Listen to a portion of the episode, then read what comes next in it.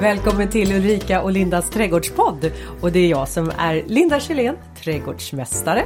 Och det är jag som är Ulrika Levin, trädgårdsdesigner. Och kära lyssnare, idag ska vi faktiskt prata om skadedjur som finns i trädgården. Och det finns ju väldigt många, Linda.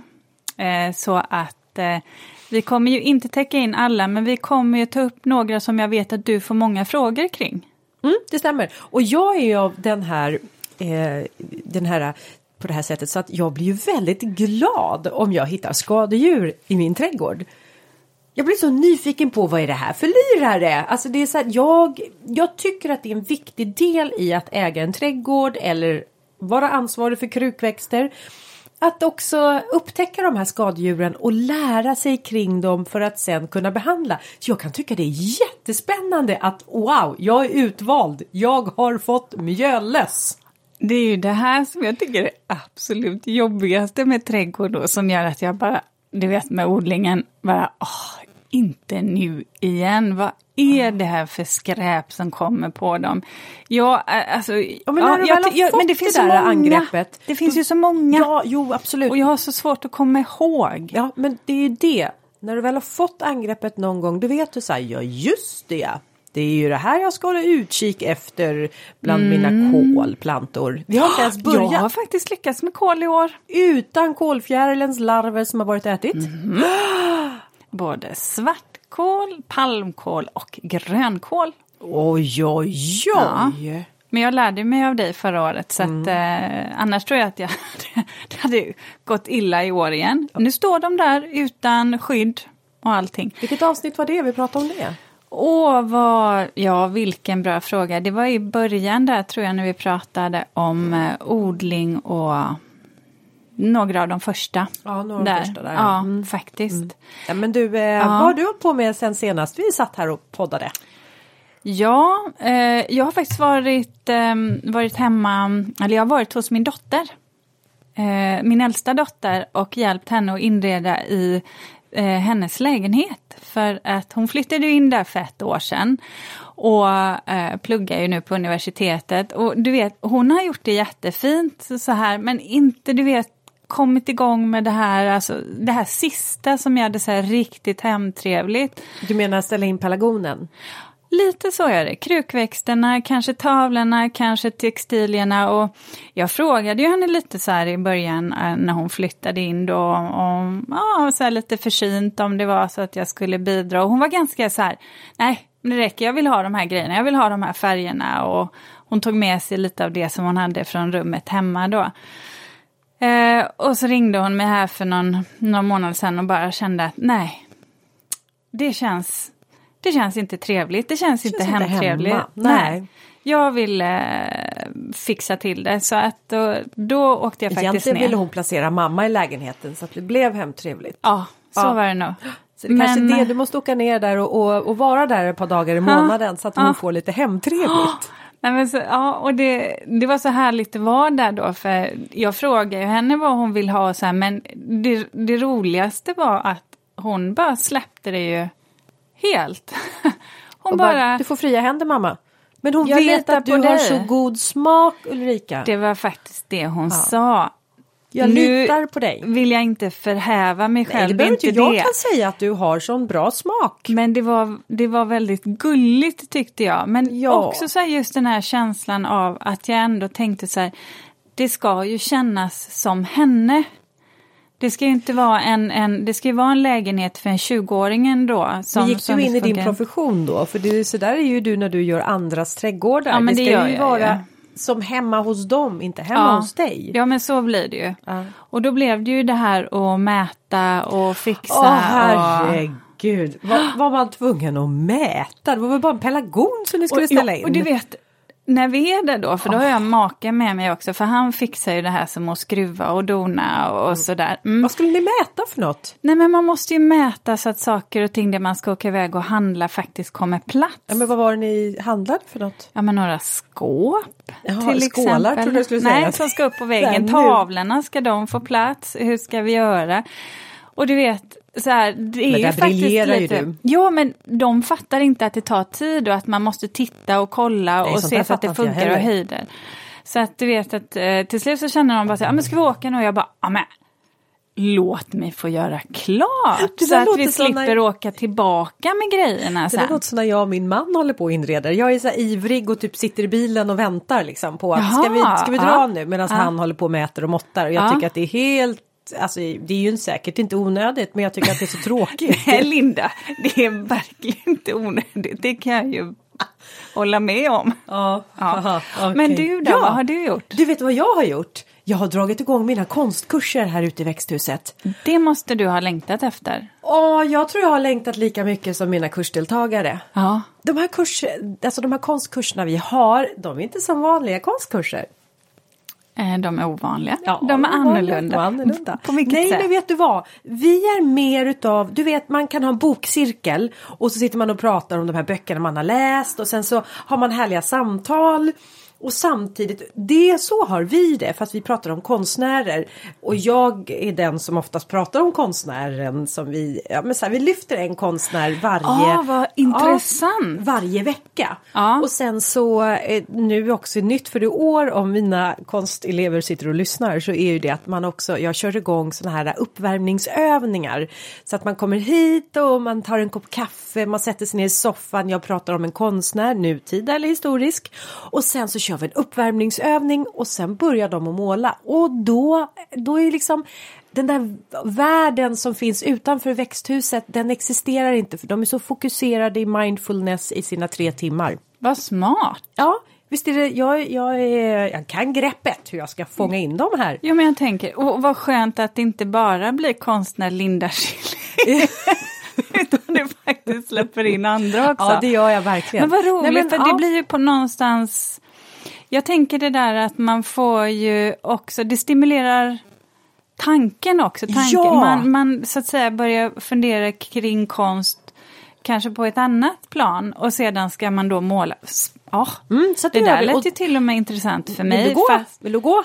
ja, fast jag är... Äh, äh, Gud vad spännande om du skulle gå konstkurs för mig. Ja, vi kanske ska göra det någon gång, alltså köra det. För jag tror att det är många som faktiskt eh, är du- målare och sådär. Om jag Vad lär dig, jo, om jag lär dig måla kan Så lär du jag dig använda tumstock. mäta. Ja, Jag lär mig måla, du lär dig måla, Ja. jag lär mig mäta. ja.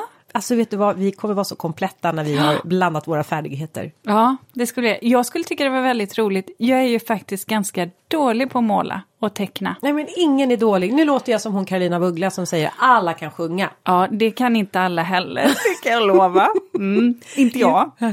Men du, någonting Ja. annat som vi har på gång här bara om några dagar, nämligen på lördag den 25 september. Just. Ja, då är det äpplets dag. Mm. Och då är det dessutom premiär för höstens trädgårdsmorgon. Just det, som man kan se via webben va? Ja, via Nordiska trädgårdars hemsida eller Facebook. Och där, Ulrika, så kommer du och jag plantera en eh, vår...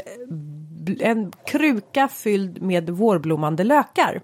Ja, Enligt konstens alla regler. Ja, eh, jag ska inte spoila nu, men jag, i nästa avsnitt så kan jag ju ta om... Jag, jag har en liten invändning där. Jag tyckte inte du var riktigt rak med hur den här lökplanteringen skulle gå till. Nej Det- men alltså Ulrika, man kan inte berätta allt innan. För du, ja, du måste ibland släppa sargen. Eh, ja, eh, ofrivilligt kan jag säga, eller ovilligt. Komma ut på hal is. Ja. Eller är det djupt vatten? Ja, ja. Där var det både och Cyklar kände jag. man? Ja. Va? Cyklar man, man cyklar inte på hal is. Nej, det, det känns som en jättedålig idé om man inte har dubbdäck. Men eh, eh, hörru, vet du vad? Jag känner att vi måste gå in på ämnet. Eh, vet du varför? För att nu har ju du skrivit manus. Och när jag kom hit så, så, så började du prata om saker som jag inte såg. Ja, nu fick jag skrattanfall. Ja, och grejen var ju bara det att eh, jag förstod inte för jag tyckte att det var ett det, väldigt långt manus. Det här är alltså flera sidor, kära lyssnare. Och då, sa, då inser jag att du också har skrivit på båda sidor. Så, Jag är så överambitiös ibland. Så Men, jag känner så här att för det första så kan jag också säga att jag är sjukt trött. oj, hjälp! Nu blev jag Eftersom- rädd också. Ja. Min hund. Det, alltså, Eftersom min, min makes telefon ringde mitt i natten. jaha. Ja, så här, och då vaknar jag. För du vet, när det ringer mitt i natten Ja. så då, är det, då har det ju hänt Ja. någonting. Då är det föräldrarna eller det är barnen. Och de gångerna maken inte är hemma, då kan det ju vara han eftersom han jobbar inom räddningstjänsten. Det har ju hänt ibland att någon brandmästare har ringt och sagt att du, jag måste bara meddela. Då blir man ju alldeles, du vet, iskall. Vad har hänt? Är han okej? Mm. Och sådär. Det har varit eh, de, Men när i det natt hänt. var det, var det ingen fara. Nej, det var ett sånt här utlandsnummer. Nej! Ja, men du vet, då är det ju kört. Då är jag ju vaken, då kan inte jag somna om. Så Man kan jag, ju tro att annars är det jag som har varit sömnlös eftersom jag har gjort ett sånt väldigt gediget manus. Ja, Men förstår att- du då att jag tycker att det här är ett viktigt ämne eftersom det är bara sida upp och sida Ja. ner om Oh, ja. skadedjur. Hörru, ska vi gå på då? Vi går på. Ja.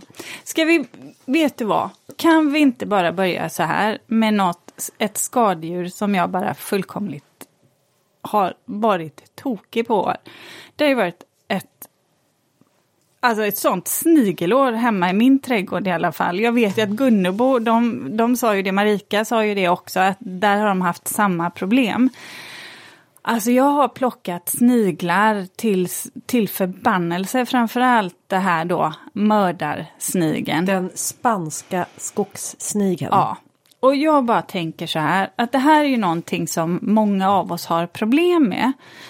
Och hur? Jag har ju testat olika metoder, men vad tycker du man ska göra? Jag tänkte att eh, Marika där nere på Gunnebo, hon var ju himla bra för hon drog ju så himla snabbt med sin sekatör. Hon bara tsch, upp med sekatören och så klippte de i Mm. bitar. Och gör man det då ska man också gå på efteråt med järnsulfat. Som man häller över den här snigeln. För att vad snigeln gör, den lockar ju till sig andra sniglar för de ska ju äta den Mm. Eh, snigeln. Och då äter de ju, får de i sig det här giftet, eller giftet, de, de får ju i sig sulfatet och så blir de inte, de tappar väl hungerkänsla tror jag va? Ja, Ja. Eh, Så det är väl ett sätt att eh, begränsa dess framfart. eh, Att klippa och klippa och plocka och sen använda då järnsulfat. Men sen skulle jag också säga att det finns ju faktiskt biologisk bekämpning. Och den heter Nemaslug. Och den är väldigt effektiv. Men den är också sån så att den är lite dyr så att man kan ju inte använda det på hur många kvadratmeter som helst utan specifikt där man vet att eh, sniglarna håller fäste eller där de håller sig till sitt boende. Där tar man Nemaslug och så vattnar man ut det. Ehm, och det här, det här ger ett väldigt bra skydd mot eh, eh sniglarna. De tar sig in, det här är mikroskopiska djur som tar sig in i alla öppningar på snigeln. Eh, och sen så äts den väl upp inifrån. Men nu kommer ett litet problem här med den här biologiska bekämpningen. Eh, de, den här kommer alltså ifrån England. Och då är det inte så lätt just nu med tanke på Brexit att Exakt. få fatt på Nemaslug. Så att Nej. om man går in och vill köpa det här då står det faktiskt på deras hemsida att den går inte att få tag på. De har Jag makulerat haft- alla ordrar som har lagts. exakt. Jag fick mina pengar tillbaka. Du jag hade, ja, jag hade tillbaks. köpt det och jag försökte och in i det sista så kämpade de med att få sändningarna men sen så sa de att det här går inte. Det kommer inte, för till slut blir det ju för sent. För man kan ju göra det här under flera perioder nämligen. Man lägger dem med jämna mellanrum ut det här då. Mm. Ja. Och sen var det järnfosfat, det är ju det här snigel... Järnfosfat, sa jag Ja. sulfat? Ja. Jaha, nej Ett- det, Nej, ja, det järn- där vrickar jag tungan. Järn, precis. Järnfosfat. Fosfat. Det har jag ju också använt. Eh, det jag har märkt det är ju att till exempel skator älskar ju det där. Eh, så de pickar ju i sig det när man strör ut sig. Och de är ju smarta fåglar. Så att de, den första gången så, så fick jag ändå ha det mesta i fred. Men sen när de visste att det fanns där, då... Men det gjorde ingen skada på dem? Eller? Jag vet inte. Jag vågar inte heller säga något. Jag, ska Jag säga, tänker jag så är- här, om man strör ut det hela tiden så är ju det det enda de äter och det Mm. kändes ju inte så bra. Sen vet du vad jag tyckte, eller min upplevelse i alla fall, det var att de blev ganska aggressiva mot andra småfåglar. För det, du vet, det var ju deras käk Ja, där. så det blev lite, det blev lite slagsmål i Ja, trädgården. ja. Jag kan säga så här, jag har faktiskt inte använt mig av järn, järnfosfat. Fosfat. Eh, Nu får jag tvångstankar och säga fel igen Mm. med järnfosfat. Eh, utan eh, däremot så har jag använt mig utav eh, fällor. Ja. Och det är ju såna här som, och faktiskt fällor och öl. Så att jag har en sån fälla och de är gröna, fina, smälter in. Man kan göra egna också men jag har Ja, såna ja. som jag har köpt och som jag lägger ut i landet på olika ställen. Fyller med öl och sen så kommer sniglarna där och de är ju inte simkunniga. Eller i alla fall är de väldigt duktiga på att simma på rygg. Ja. De ligger liksom där. Ja, Ehm, så funkar det för Ja, dig? men För de vi får sig en ja. ordentlig eh, berusning Ja. eh, och det kanske är ett lättare sätt att lämna jordelivet på. Ja. Jag vet inte. Ja, jag- men, men, ja. men det är inget roligt Nej. att vittja denna fälla. Så man bör alliera sig med någon annan eh, person som inte tycker att det är läskigt att vittja fällan. Ja, nej, jag känner, jag, jag är Jag är beyond, beyond det. För Ja, att jag har får- plockat så himla mycket sniglar så det har gått mig förbi. Fast, fast jag måste ändå säga så här, du vet man är ute på kvällen där att till slut så, så står jag bara och skakar lite sådär för jag tycker att det börjar bli så äck, äckligt om när man går emot något. Men något som jag också testade och eh, som jag också testade med eh, det här med eh, ja, det här med sniglar då, just mördarsnigeln. Antingen är det så här faktiskt att jag har haft någon eh, som lockar till sig sniglar. Du vet om man har dödat den så får den eh, li- ligga som en, ett lockbete och så plockar jag de andra. Sen har jag faktiskt också eh, låtit pantersnigeln vara kvar. Eh, Okej, ja, Ja. som är, eh, eh, den är lite fläckig. ja, den käkar ju, eh, jag tror de äter äggen va? Ja. Ja, jag har Ja. inga belägg för det. De har inte- jag. Det är ju det, och det är ju det som är lite problemet när man använder till exempel snigelfritt. För även de här pantersniglarna eh, går ju på dem. Alla sniglar kan ju käka på det där. Eh, men bananskal har jag också testat i Mm. år. Eh, framförallt på de här jädra, inte mördarsniglar, men andra småsniglar som jag fick i Vadå eh, menar trädgårdslandet. halkar de på dem eller? Nej men de dras till det söta. Ja. De börjar käka på Ja, dem. och sen då? Eh, och sen då tar jag ju dem. Ja, och då kan man säga att du gör en fälla. eh, Exakt. Mm. ute, och, då, och det där är ett smart tips. För då lägger man sånt där som de tycker väldigt mycket om. Ulrikas bananskal eller Mm. om du har odlat potatis och har potatisplast. Eh, Mm. Kanske du gallrar din funkia-plantering, slänger ut några funkia-blad mitt på gräsmattan. Gör du. Om jag hade haft den. Men jag Ja, fattar vad du menar. Ja, du fattar vad jag menar. Mitt ute någonstans. Där de inte kan gömma sig liksom. Mm. För de kommer gömma sig där under. Och mitt ute på gräsmattan finns ingenting annat än den här högen av godsaker.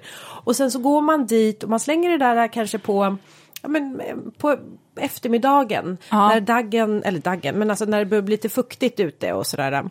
Eh, kvällen. När de är på väg, ja. Ja, precis på väg. Och då samlas de där. Sen kan man ju gå ut i mörkret och sen så tar man hela det här och sen så går man och slänger det här på något brännbart eller något sådant. Ja. Och då har man ju ändå fått dit så många i ett, alltså man får dem i ett bräde. ja. Två flugor i en smäll eller i alla Ja, fall det är lite 15 så man måste jobba. Ja, för det är lite så man måste jobba, känner jag. För att de eh, är, är ju överallt. De är överallt. Är Annars. De. Och sen är det så här, ska man nu dra upp eh, sommarblommor till exempel eller grönsaksplantor och man vet att man har mycket sniglar, då bör man förodla. Alltså ska du odla till exempel solrosor som de älskar, zinnior som här ute hos mig de har, de har tyckt varit väldigt gott, dahlior. Allt sånt där det har jag ju förodlat så att jag har ganska bra stora plantor. Och då hinner inte sniglarna med att äta för att växten växer snabbare än vad de äter. Ja, Eh, Det som är med sniglar också det är ju att de de gnager ju liksom inte bladen utan de raspar bladen med sin så kallade tunga eller den här radula tror jag den heter, eller radula, jag vet inte hur det uttalas. Så de raspar och då kan man också ganska snart se, vänta nu, är det en larv eller är det en snigel. Och då kan man se att eh, snigeln har mera raspande eh, Ja. sätt. Och dessutom så lämnar den oftast ifrån sig slemmiga spår. Verkligen, och det kan man ju, det kan man ju definitivt se för, för eh, funkior som sniglarna, just mördarsniglarna är väldigt förtjusta i. De är så jäkla luriga, du vet, de gnager längst ner på på, på själva skälken vilket gör att hela plantan då viker sig, eller ett blad då, och så kan de käka upp resten. Eh, någonting som jag märkte, eh, faktiskt som vi har tagit upp tidigare och som vi faktiskt inte var riktigt säkra på, det var ju där när man skulle vattna och så. Det här året när jag har haft ett snigelår och dessutom jobbar lite mer med täckodling i mina perennarabatter, vilket man ibland avråder ifrån om man har mycket sniglar. Jag känner å andra sidan att jag vinner andra saker, så att ja, det har jag ändå valt att göra. Och jag kan helt klart säga att det är en fördel att vattna på morgonen så att även om jag har droppslang så att det får torka upp. Um, Eh. det gör det faktiskt lite svårare för sniglarna att Men transportera sig över ytan. Och täckodla är ju bra. Man kan faktiskt eh, också använda sig av en markduk som man lägger ut och sen planterar i för att markduken trivs inte heller sniglarna på. Det blir, finns ingenting för den att gömma sig i där och den blir ganska varm den här markduken också så att eh, markduk är också någonting man kan använda sig utav om man har väldiga problem med sniglar. Men som sagt det är järnfosfat heter det och ingenting annat. Nej. Men du, Mm. eh, Jag måste faktiskt säga så här, jag måste backa bandet lite nu. ja, Ja, och det är ju så här. För krasst så är ju ett skadedjur något som, alltså det är en levande varelse och någonting som eh, jag fastnar med mina kläder i mikrofonen här gjorde jag.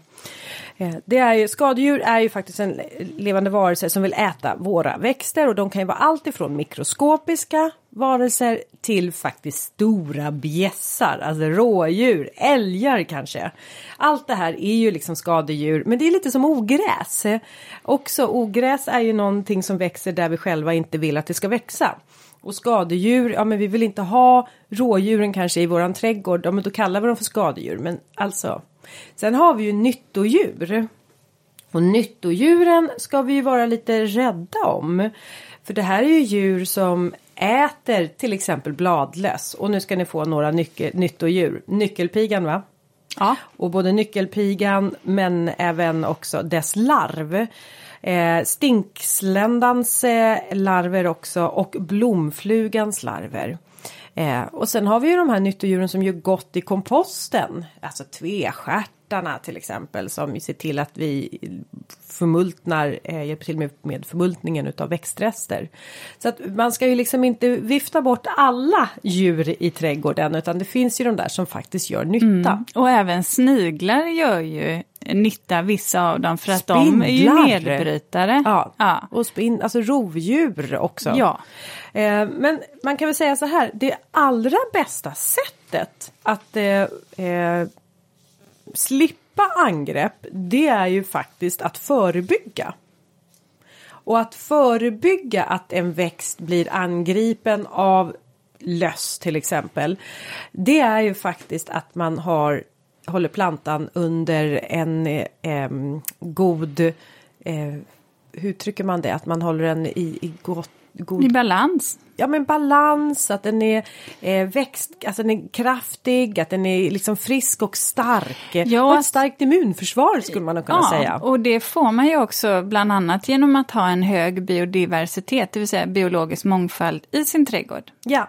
Och sen också att en växt är placerad och planterad på Mm. rätt läge som passar. Allt det här som minimerar till att en växt drabbas av stress. Ja.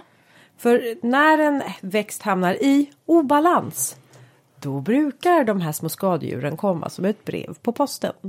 Ja. Sen, sen måste jag också säga så här, jag är ju en sån som föredrar biologisk bekämpning. Eller jag skulle säga föredrar, jag, jag tycker att det liksom i princip är det enda sättet att gå med biologisk bekämpning. Ja, och framförallt när vi pratar privata trädgårdar. Ja. Definitivt. Och om man undrar vad biologisk bekämpning är så kan jag citera SLU.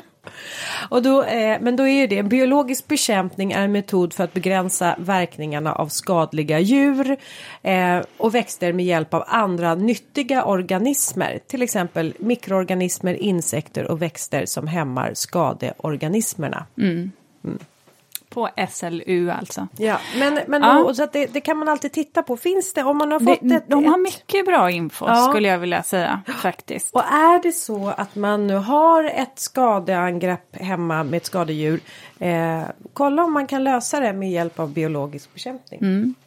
Ska vi gå Nå- vidare? Mm. Ja, Någonting som också inträffar eh, hos mina växter och en växt som jag tycker väldigt mycket om, nämligen stjärnflocken, det är ju minerarflugan som går på dem. Och det har ni säkert märkt att man får som små Ja, det ser ut som små gångar på bladen, alltså markeringar som små trådar. Mm, Intorkade. Ja, och sedan blir, de, blir angreppen stora så blir det ju egentligen, eh, blir ju bladen, får ju bruna fläckar och mer eller mindre dör då. Och det är ju larver som lever inuti bladen och som äter upp den här eh, vävnaden inifrån. Precis. Mineralflugan har alltså varit där och lagt in ett ägg. Och då blir det som så kallade eh, gångminor eller blåsminor då, som, som förstör bladen där. Jag testade faktiskt i år, eh, och vad heter det, Nema... Nema Nema Blom? Nej? Ja, det är det väl, Nemasys tror Ja. jag det var. Eh, och sprutade på, det är också en typ av eh, nematoder som faktiskt går in, precis som vi pratade om med sniglarna. Annars så är ju det här med att man plockar bort de angripna bladen och jag upplever att det här med minerarflugor det går i cykler. Så att och egentligen så är jag tveksam till om de gör så stor skada. Det är klart att bladen förlorar sin möjlighet att liksom eh, tillgodogöra sig energi med hjälp av fotosyntes om bladen liksom blir uppätna. Men eh, framför allt så ser det ju ganska fult ut. det är ju Alltså, det, risset ur ut det och trist ja, ut. ur estetiskt per, eh, perspektiv. Nemasys använder jag. I, Nemasys? Ja, Nemasys använder jag. Eh, och det kanske finns Nemablom också, jag vet inte om det är ett kan- varumärke, ja. men, men principen är densamma. Och den här flugan är ju så jädra tråkig för den Eh, den så att säga lever ju under ganska lång period så att den hinner väl lägga larver eh, ja, eh, under ganska lång tid, även in i augusti. Mm, men plocka bort angripna Ja, blad. det skulle brukar säga. jag också göra så kommer det nya. Men jag körde de andra, jag tyckte angreppen faktiskt blev lite mindre ändå. Mm, och det här, ja. Mm. Eh, och, och väldigt ofta som sagt på eh, stjärnflockar. Ja, men du, Mm. trips då? Vad är det för någonting? Åh, ska vi titta på tripsen nu? Eh, Ja. Ja men du, trips det är ju eh, Eh, alltså, små små insekter. Eh, de, de är bara en till två millimeter långa. Eh, och de här tripsen eh, de förökar sig genom att de liksom lägger, det är små insekter med vingar, det är att de lägger äggen som de liksom sticker in i bladen. Och det här Alltså det yttrar sig nästan likadant som minerarflugornas alltså angrepp i bladen. Men här blir det som vita strimmor i bladen. Men det kan också bli att hela bladet blir liksom som silverskimrande, ser alldeles matt ut i färgen. Ser nästan ut som att den har drabbats av ljusbrist. Får jag bara förtydliga en sak för att nu är det jag som eh, rör till lite i manus. För det här är väl någonting som snarare rör ja, men inomhusväxter, krukväxter. Ja, ofta på vintern kan man Ja, få de här angreppen. så att vi pratar inte trädgård nu. Nej, inte Mm. trädgård nu. Eller i växthuset. Ja, I växthuset Bra. också. Så att då är vi fortfarande. det var därför jag inte kände igen vad trips var. Ja, nej, för du har ju inte drabbats av. Nej. Ah, nej, men det, det brukar hända. Eh, gör. Och då blir jag så glad när jag hittar någonting som, aha, nu lär jag mig någonting här. Eh, men, men då kan man liksom se det när bladen blir lite matta, silverskimrande. De får de här vita strimmorna och så kanske man till och med ser små, små, små svarta prickar, vilket är tripsens avföring. Eh, då vet man att nu har man ett angrepp. Eh, och då är det så här att, jag menar, murgröna kan bli drabbas eller alltså mycket blad. Då vet jag ju precis vad det är. Det, Asså, ja, har det du trips då? Eh, ja, jag har haft både murgröna och trips Jaha, i och- kombo. Men är du säker på det? För murgröna brukar också drabbas av en annan skadegörare som jag kommer till eh, alldeles strax. Eh, Men Ja. så här. Nej, om- jag är inte säker. Nej, inte säker. Eh, om man nu har drabbats och liksom fått ett tripsangrepp och man kan liksom, ah, man ser, man kan, man kan säkert leta fram bilder och, och, och så kan man se. Då är det ofta så att man eh, har det därför att ehm, eh, plantorna, de behöver ha lite mer fukt. Eh, växter som har stått för torrt drabbas ofta och då är vi igen en gång med det här. Det har varit en obalans eh, och växten blir lite stressad och så därför så behöver man duscha de här växterna och ofta. Ja, alltså jag i mitt växthus, eh, då brukar jag jag går loss med min trädgårdsslang, sätter den på en sån här fin fin eh, stråle och sen sprayar jag mina växter som jag har på odling inne i växthuset så att man eh, fuktar till dem och duschar rent dem. Eh, det finns också biologisk, alltså man, efter det så kan man också gå på med såpsprit, det vill säga såpa blandat med vatten och ehm, Eh, femprocentig lösning brukar man vilja eller liksom tipsa eller tipsa är, liksom receptet på en, eh, en såpalösning. Alltså det är eh, en halv deciliter såpa per liter vatten och så rör man runt det där och sen sprayar man på. Man kan även blanda i en liten, liten, eh, lite, lite teröd i det här så löses den här blandningen upp bättre. Den sprayar på bladen. Men även när det gäller trips så finns det biologisk bekämpning. Och det gör man oftast då eh, såklart i en växthusodling och det är ehm, eh, en skinnbagge som man släpper lös. Eh, Ah. och, Orius. eh, Och den liksom springer runt och så suger den ut tripsen.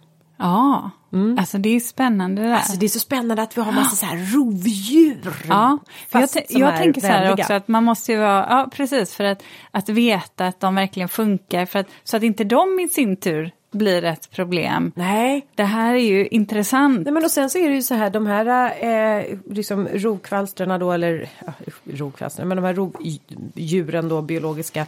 De eh, när de har gjort sitt uppdrag då finns det ju inte så mycket mat kvar för dem att äta. Så då försvinner ju de också. Så att det här liksom och det är av naturliga skäl. De ska ju inte finnas om det inte finns mat för dem då. Men eh, så att men om ni ser de här eh, att ni börjar märka att ni har förmodligen ett angrepp av trips. Eh, behandla, duscha, eh, spraya med såpasprit eller biologisk bekämpning. Och så kan man också plocka bort de angripna bladen.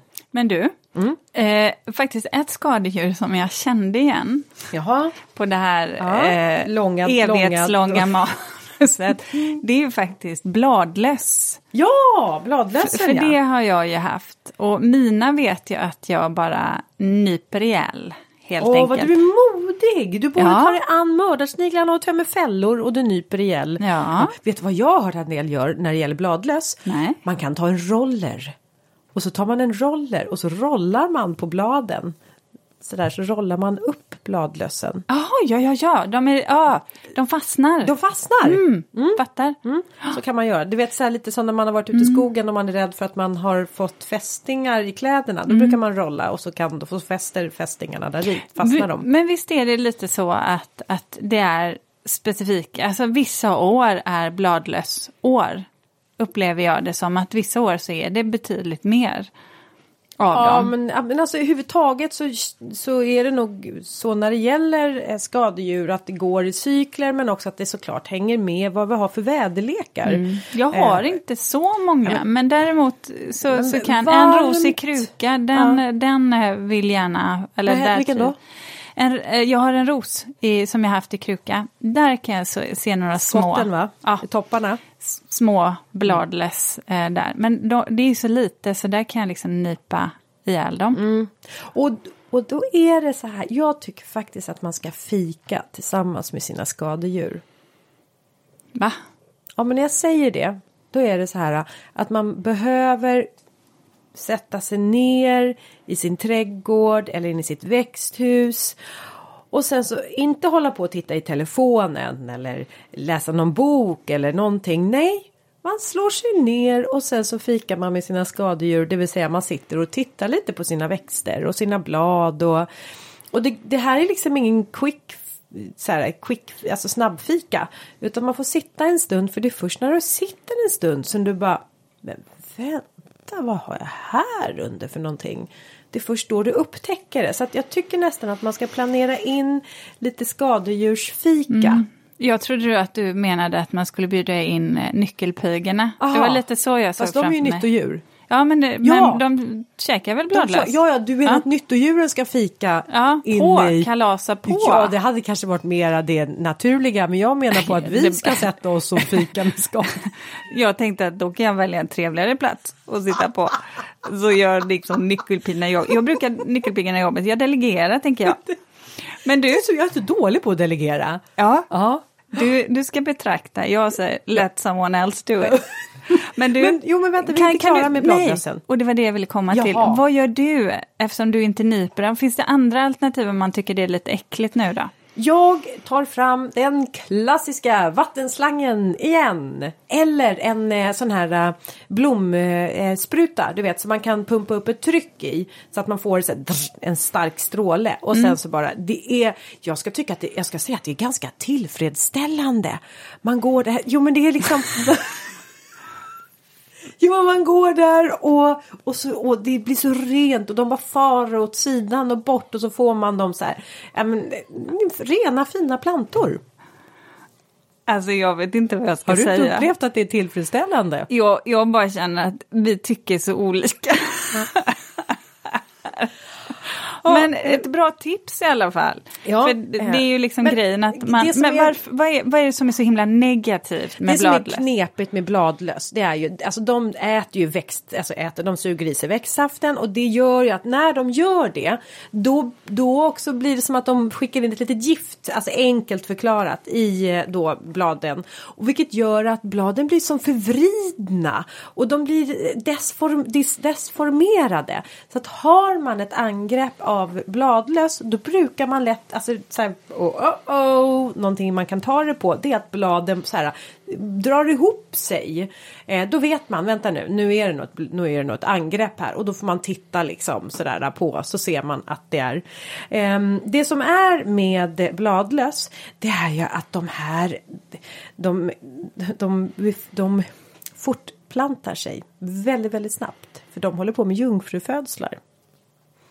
Precis som sniglar gör. Alltså de, är ju liksom, de kan ju föröka sig själva. Eh, och det gör att det går med en rasande fart. Och dessutom så föder de levande ungar. Mm -hmm. mm. Så de har inget så att säga larvstadie? Nej. Som, ah, som går lite långsamt. Utan du vet många. de där, ja, ja, ja, du vet hur mycket spring det är benen. Mm. Ja, på, på tal om spring i benen, det är lite roligt för utanför här nu så, så, så, tror jag att det är några skolbarn som är på exkursion för att de ska ha såna här, ja. när man du vet gör labb, ja. att man har såna här små plastkoppar egentligen. Är det det platta, de håller på med? Jag ser det är vuxna också ja, som går och letar efter saker. De tittar... plockar lite, jag tror de plockar lite eh, Skadedjur? Ja, insekter, lite ja. sådana grejer. Jag tror de ska kolla på dem i under ett sånt här, eh, vad det nu heter. Förstor, för, inte eh, mikroskop. Ja, exakt. Mm. Det var exakt det där med så. att vakna på natten. Ja, men det, eh, då ja. har vi alltså bladlöss. Men jag ska också säga så här. Att eh, bladlöss får man ofta om man har växter som är under kraftig tillväxt. För att då eh, blir liksom Eh, Eh, de blir så här eh, goda, cellsaften och de blir så här krispiga och lätta för eh, de här bladlössen att angripa. Så att därför kan man faktiskt hålla igen lite med kvävegödsel till sina växter och man kan ofta titta då i skottspetsarna där oftast bladlössen sitter. Och vad gör man då? Ja men precis som du säger, du klämmer, jag sprayar med vatten eller spolar med vatten. Men man kan sen också efter eh, gå på med den här såpalösningen än en gång. En femprocentig, det vill säga en halv deciliter såpa i en liter vatten och så sprayar man. Och det här är någonting man måste upprepa flera gånger, kanske alltså två gånger i veckan eller i alla fall under en tre veckors period. En Men det doftar ju gott i trädgården sen, såpa. Ja. Ja, Ja, okej. hemma också kan jag tycka. När man har städat. Nystädat så, så luktar man gott. kan längta efter bladlästen så det doftar såpa inomhos en. Ja. Inomhos en. Det var Ja. konstigt sagt. ja, det tyckte jag också. Jaha. Men du, eh, en, en väldigt vanlig och kär häckväxt och som jag använder mig av jättemycket det är ju avenbok. Ja. Den kan ju drabba, eh, drabbas av avenboksgallkvalster. Mm. Vad gör en åt det? Eh, ja, och det här är ju kanske inte, alltså precis som du säger, man vill ju ha den där avenboken och bladen ska vara så här eh, utslagna och, och platta liksom. Och så får man det här angreppet, då drar liksom bladen ihop sig, de blir skrynkliga, de blir hopvikta. Eh, och det här är ju inte helt eh, liksom roligt att bli drabbad utav. Eh, jag skulle ju säga så här att de här små djuren de övervintrar dessutom på, på plantorna eller på avenboken. Och det gör de i knopparna men också i de här äh, Alltså i knopparna i fjället där kan de sitta. Eh, och då eh, vaknar de där till liv när våren kommer och då kan man behandla. Och då får man behandla med en sån här svavel, eh, behandlas med ett medel som det skulle kunna vara cumulus. Eh, och svavel det är ju ett grundämne så att det här är ju liksom ett växtnäringsämne. Är det.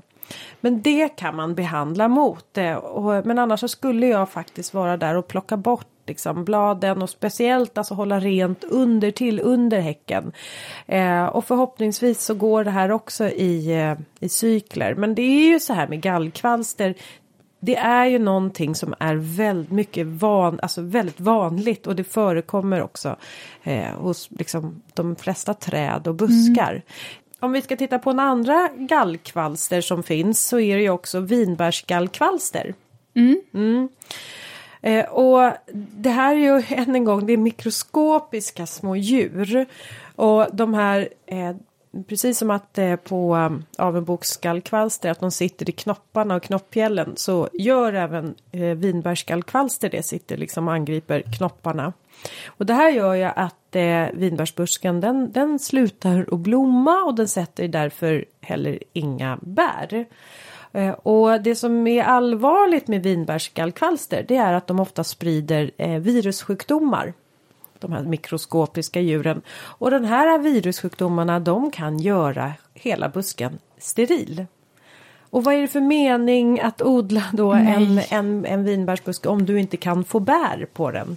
Nej, det är ju jädrigt trist. Ja, så att om man nu märker att man nu har eh, fått då ehm, eh, gallkvalster på sin vinbärsbuske, då skulle jag säga att det finns inget annat att göra än faktiskt ta bort den där busken. Den ska inte växa kvar. Och sen finns det ju andra vinbärsbuskar som är motståndskraftiga. Till exempel risarp eh, eller petter E. Men eh, jag vet att jag ehm, eh, det som vi inte ska rekommendera det är storklas. Mm. Ej odlingsvärd Nej, storklas. det finns andra sorter som är eh, bättre, Bättre. har bättre egenskaper helt Ja, enkelt. eh, precis. Men visst är det spännande när man får lite angrepp för att man lär sig då. Jag tycker att man, Ja, eller så tar man man fördjupas i Ja. sin eh, eh, Jag, vet- jag vet inte Linda. Jag, jag kände så här, jag hade ju köpt ett persikoträd, Frost, som jag, jag var så... Ja, det har jag inte hört talas någonting Nej, om. det har du inte, för är det är ju- Är det nu förklaringen kommer? Ja, det är ju eh, hädangott. Va? Ja, jag fick sånt här eh, kvalster på, tror jag det var. Nej. Jo, eh, och, ja, nej, och jag kände bara så här att nej, jag struntar i det. Så Ja, då, jobbar jag då ofta. vet du vad, jag förstår att du blir provocerad av mig om jag säger att jag blir lycklig av Ja. skadedjur. Då fattar jag att du blir jag provocerad bara, av ja, mig. Jag ber om ursäkt. Ja, så jag tänkte så här, nej, Jag vet du vad, det blir ingen persika frost hemma hos mig. Det blev en klematis istället i Nej. den. Ja, och så blev det vackert i alla Åh, fall. Jag önskar att jag hade odlat lite persika i mitt växthus. Då hade du fått av mig. Ja, det hade varit jättegulligt. Jag har ju sett kunder här i Mälardalen som har haft helt fantastiska persikor. Men eh, nej, nej, jag, jag Ja, orkar, nej, okej. jag orkar inte med du. Du gör ju helt rätt nu. Du Ja. väljer bort sånt som du måste hålla på och gulla med. Ja, Det går inte. Så det kan man väl också säga. Har man provat en gång, kanske till och med efter två försök. Det funkar inte, välj bort, välj något annat istället. Ja. När vi in, ändå är inne på klematis. Är vi inne på klematis? Ja. Vi tar- blev det nu. Ja, vi blev det nu. Ja. Eh, klematisbladstekel. Steklarna är ju ändå lite intressanta. Mm, de är intressanta och här vet jag att våran ljudtekniker Peter, han kämpar med klimatisteken. Nej, Jo, han kämpar med den. jag har aldrig råkat ut för det. Nej, Peter. inte jag heller. Så Peter. Linda, Men vi kan väl berätta för Ja. Peter hur vi Ja. gör då? Ja. Nej, men jag skulle säga så här. Får man ett angrepp utav klimatissteken, eh, för det här är ju då, alltså den här steken den lägger ju då sina ägg och så kommer det eh, larver. Mm. Och de här larverna, de är, alltså de här är hungrigare än tonåringar. Alltså de kaläter en klimatis. Eh, eh, det börjar med små hål men det blir snabbt eh, eh, liksom kalätet och sen till slut är bara bladnerverna kvar. Nej. Jo, eh, Peter sitter bredvid, han nickar, han säger det är precis så här det är, säger han. ser man de här rackarna då? Ja, de Ja. syns. Mm. De är ungefär två centimeter långa. Är de, så att de Va? syns. De ja. är ju stora. ja, de kan bli. Det är som ja, men de alltså. Ja, en till två centimeter långa. Så att de syns. Eh, och den här steken den lägger alltså sina ägg någon gång i maj, juni. På årsskotten. Som, eh, och då bildas det som liksom upphöjningar. Blir det. Så om man nu då är tränat öga som Peter har som är van att han får besök av de här steklarna. Då vet han på en gång att aha nu är de här. Och då är han där och sen klipper han bort de här skotten. Bort med dem. För att här kommer det ju annars kläckas ut små larver. När, när, upp, alltså när i tid brukar man se Mm. det här? Eh, någon gång i, alltså det måste väl vara där någon gång i juni, maj, alltså den lägger sina ägg där någon gång i maj. Det beror ju lite på vart i landet man bor. Ja. Så jag tänker att man ska ju alltså, man ska ju ligga lar, alltså före, Steget före? före larvstadiet. Ja. Mm, det vill säga när de har de här liksom, utbuktningarna och plocka bort det. Eh, så att man tar bort det. Men det är ju så här, kämpar man på som Peter gör, då kanske man faktiskt ska gräva upp den där klimatisen. Och vill man fortfarande ha en klimatis, då ska man välja andra sorter. Och man ska alltså framförallt undvika sorter som tillhör till exempel eh, alpklimatis, eh, atragen, jag är så dålig på min franska. Men och vite, eh, Vitecella-gruppen eh, om man har då eh, Italienska. italienska. Ja. Mm. Säga. Eh, Tangutica-gruppen. Det är ju lite det där, jag funderar lite Undvik. på om eh, mina nävar har drabbats av någon form av stekel. Mm. Eh, där är det ju faktiskt lite så att det bara är bladnerverna kvar till slut. Mm. Det är liksom ehm, perforerat med små hål. Ja, det börjar så. Ja.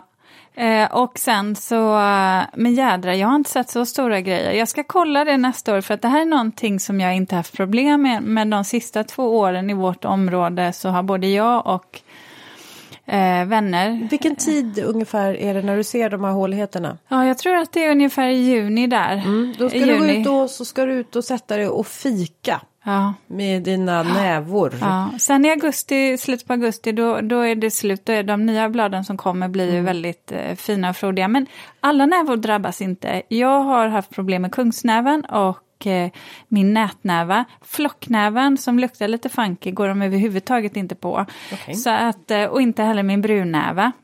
Eh, Men något är det, någonting som är nytt och som faktiskt eh, som har tillkommit nu. I min semesterträdgård, eh, där kan jag säga att där har jag överhuvudtaget inga problem med, med den här eh, ohyran. Så jag får se, jag ska, jag ska kolla lite bättre nästa år.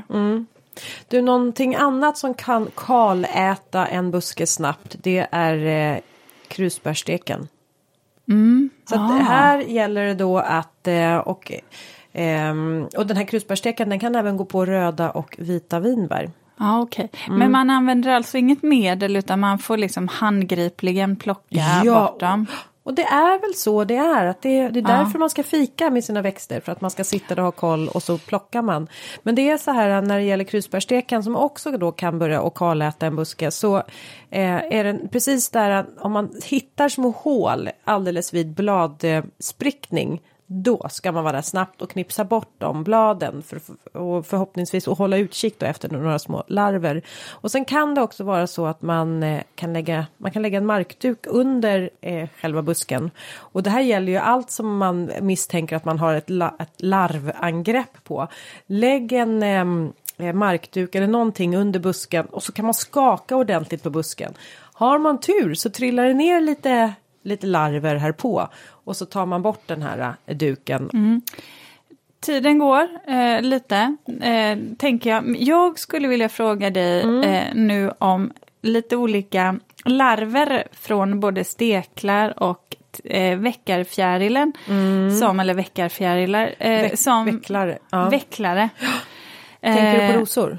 Ja, för det här är ju också någonting eh, som kan drabba mm. en ganska, en växt som många tycker om. Mm. Och det är ju så här, eh, rosor ja, deras blad, om man ser blad som börjar rulla ihop sig och man kan också upptäcka gnagskador på bladen. Alltså allt det här när blad blir deformerade, det är en signal på att någonting inte står rätt till. Det är liksom, det är, det är lite så här eh, blåljus på den växten när eh, man får konstigheter på bladen. Till exempel att de rullar ihop sig eller gnagskador. Men det kan också vara så att det är skotten, att de bara helt plötsligt de vissnar och dör. Eh, får man ett eh, angrepp av de här steklarna eller vecklarfjärilen då bör man klippa bort alla angripna blad och det gäller liksom alltid när man får angrepp. Knips bort det, även om du inte ser någonting, ta bort det. Eh, och sen så eh, har du turen så att du upptäcker de här larverna, då är det kläm ihjäl dem, plocka bort dem. Mm. Är det. Men eh, var uppmärksam på bladen, att de blir lite deformerade och det gäller liksom alla växter. Mm. För det finns ju en annan typ av fjäril egentligen, en mal, mm. rönnbärsmalen som faktiskt kan gå ganska hårt åt våra mm. äpplen. Vad, det är så trist ja, med den här. För att... vad, vad, hur visar sig det och vad, vad ska framförallt, vad gör den åt det? Jo men det är ju så här att rönnbärsmalen värdväxlar med rönn. Och, och är det Jaha. så att, ja, eh, och det är därför den heter rönnbärsmal. Men då, den går liksom på äpple och så är det då rönn. Eh, och i och med att den värdväxlar med rönn så är det så att eh, det finns lite mat på rönnen. Då går den istället på, äpple. på äpplena. Ah. Ja, och det, eh, det, det som larven gör det är ju att den, den, den liksom gör gångar inne i äpplet vilket gör att äpplet blir ju liksom, man äter inte det där äpplet och man ser oftast att eh, äpplen som eh, har blivit angripna de får liksom som en eh, man ser vart eh, själva fjärilen har lagt sitt ägg, vart den har skjutit in det. Det blir som en inbuktning där och en liten skada. Mm. Och då vet man. Och de där äpplena är inga roliga att sätta tänderna i liksom. Ja, just det. det. Jag vet ju precis hur det ser ut. Mm. Och min hund, hon ligger här och snarkar. Jag vet mm. inte om du hörde det. Eh, men det är också så att eh, har man inte allt för stora träd utan de är lite mindre då kan man än en gång fram med sin vattenslang om man märker att vänta nu, oj, så här precis vid karten och tvätta av trädet då, eh, kronan. Men, men det kan man göra och det här är någonting man, man bör göra eh, under upprepade gånger fram till någon gång i mitten på juli. Men som sagt, det är lite mindre träd som man kan göra det med. Mm. En sak till mm. som jag tänkte att vi ska ta innan vi avrundar, det är ju faktiskt eh, eh, rhododendrona. Ja. För de kan ju faktiskt drabbas av en mm. skadegörare som heter öronvivel. Den kan ju också gå på viver till exempel ja. på en del perenner. Eh, vad gör, man, vad gör man då? Ja, alltså den här eh, öronvivlarna, de, det är liksom små, små eh, skalbaggar kan man säga. De är liksom små svart, gråsvarta. Eh, och vad de gör, det här är liksom ett glasklart om man har fått ett angrepp av en eh, öronvivel. Därför att de det är så karaktäristiskt hur de gnager på bladen för det blir som kugghjul. De, bla, de äter liksom i bladkanterna som kugghjul sådär. Så att eh, ser man det då vet man att nu har vi ett angrepp av öronvivel. Eh, och än en gång så är det faktiskt som så att det är eh, biologisk bekämpning som gäller. Eh, och det här är också som du har använt dig utav. Du sprayade sa. Du, Nemasys ja. ja. ja. Eh, så det kan mycket väl vara så att det, det kan ha fungerat för dina, eh, var det nävor du hade? Miner, eller stjärnflockar. Mm, stjärnflockarna. Eh, men eh, det, det, är samma sak, Nemasys som används då just emot eh, öronvivlar. Mm. Och det jag bara tänkte jag skulle säga när man använder det här preparatet, man får ju läsa på men det är ju så här att det här är ju ändå levande organismer så dels så måste man förvara dem korrekt. Mm. de ska ju ligga i, i kylskåp tror jag det är i början, mm. hade jag mina. Ja men du håller dem ju då, för då håller du ju dem stilla. stilla, att de inte, de, du, du har ju inte väckt dem ännu. Nej, och sen så ska de ju faktiskt ut och då måste det vara ett visst antal plusgrader innan man kan spraya ut dem. Och sen Över så, 10 grader till och med? Ja, fem har jag lärt mm. mig. Men jag tror att det där får man kanske läsa på Absolut. vilket preparat man väljer då. Mm. Eller vilka nematoder. Eh, men sen så krävs det faktiskt också att man ser till att det är lite fuktigt. För annars så torkar de här nematoderna ut innan de liksom har hunnit komma in. Och göra sin grej. Ja, mm. så, så, det ska man ju tänka på. Mm. Fullt solljus är ju inte optimalt. Mm.